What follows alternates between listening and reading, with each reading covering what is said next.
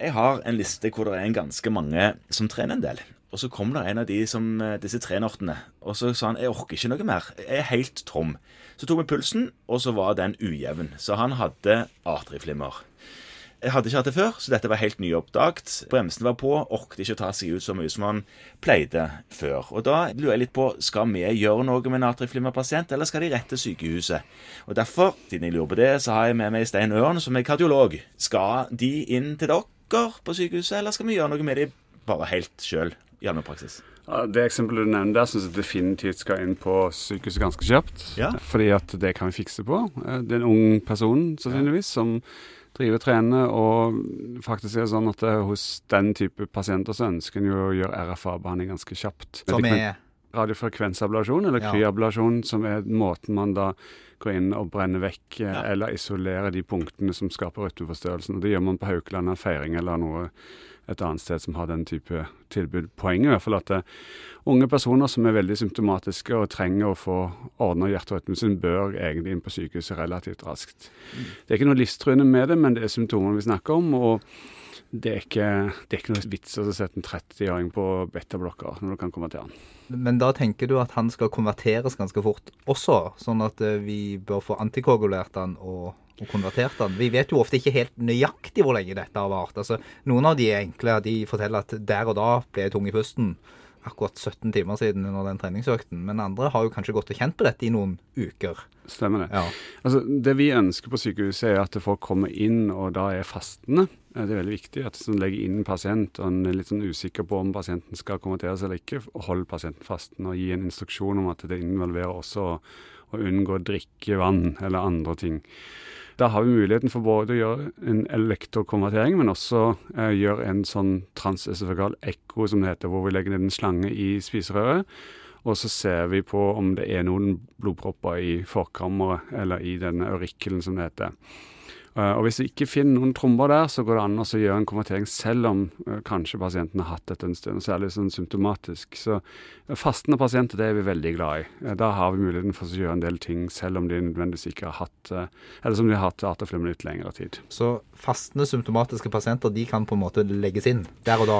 Ja, altså symptomatiske pasienter skal jo inn på sykehus Ja. sånne sammenhenger, men holde de fastende er veldig gunstig. Definitivt noe vi ønsker. Ja. Og hvis de da ikke er fullt så symptomatiske, nå nevnte Morten her en som er ganske ung og sprek, så har vi jo, har vi jo noen gamle som kommer med diffuse bestillingen, tungpust og litt uh, slitenhet, og så finner man da natriumflimmer som jo for all del kan ha stått der i det uendelige, og som jo egentlig ikke plages så fryktelig mye av, annet enn at de ikke orker så mye som de gjorde før. Hva gjør vi med de? Ja, altså Da må man se på hva arteflimmer egentlig er. ikke sant? Arteflimmer er jo en, faktisk en erstatningsrytme for en normal sinusrytme. Og hos mange personer så er sinusknuten begynner den å ryke når man begynner å bli eldre, og da fungerer arteflimmeren faktisk som en erstatning for en sinusrytme. Og det kan fungere veldig bra. Og da er det faktisk arteflimmer noe man ønsker. Og har man ikke en sinusknute som kan overta for den vanlige hjerterytmen når man konverterer pasienten, så ønsker man definitivt ikke å konvertere dem. Og i en alder når du passerer 75 og pasienter har det bra, og til og med også under den alderen når de har det bra ikke merker noe særlig til atrieflimmeren sin, så er fremdeles atrieflimmer, sånn som vi ser på det i dag, en symptomatisk behandling, og da skal de heller ikke konverteres. Da skal man fortsette med en, eh, en antikoagulasjonsbehandling når det er indisert, eh, og frekvenskontroll hvis det er nødvendig.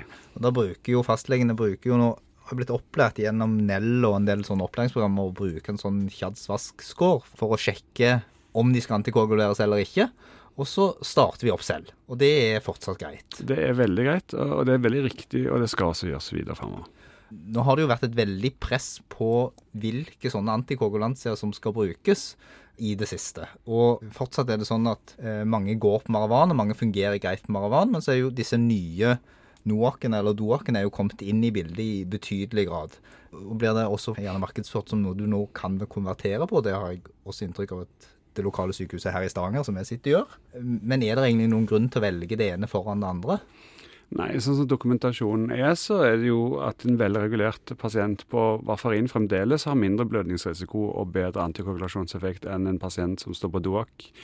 Eh, det er ikke så lett å få dette fram i de studiene som er, men det er, det er faktisk sånn som det er. Når det gjelder oppstart av antikorrelasjonsbehandling, så er det klart at det er veldig lettvint å altså, gi pasienten en tablett som man tar en eller to ganger daglig, og så glemmer man resten. Men det man skal huske med antikorrelasjonsbehandling, at det er et tveget sverd. Det er en blødningsrisiko som du titrerer mot en tromboembolisk risiko. Og det er det du leker med, da, eh, hvis jeg skal bruke det uttrykket. Eh, ved en antikoagulasjonsbehandling med varfarin så har du jo en viss kontroll med hva pasienten faktisk tar. Du kan vurdere compliance. Med doakene så har du ikke det. Fordelen med doak er jo det at du hvis du glemmer tab tabletten, iallfall ikke har noen blødningsproblemer. Det kan man si. Ja, men det er fint.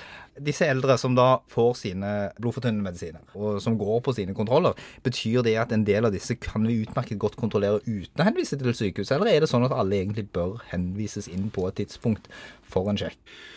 Jeg mener at det er asymptomatiske pasienter. og Du kan faktisk uh, bruke litt BNP og du kan bruke litt markører og vurdere klinikker og sånt. og den Klinisk velfungerende pasienter som har en atrieflimmer som tilfeldigvis oppdager, som har en god frekvenskontroll og som du får antikoagulert, som er helt ukompliserte og alt det er bra med, så er det ikke noen spesiell grunn til at du skal henvise til en kardiologisk vurdering hvis ikke noen annen årsak til det.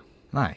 Og Det tenker jeg jo er en ting som er litt viktig for oss fastleger, at vi kanskje i litt større grad kan ivareta noen av disse pasientene selv. fordi i utgangspunktet når man finner en i gåseøyne ny kardiologisk lidelse, så er ryggmargsrefleksen hos veldig mange bare å avfyre en, en henvisning til en eller annen stakkars kardiolog i feltens store bekymring over lang ventetid på ymse tilstander.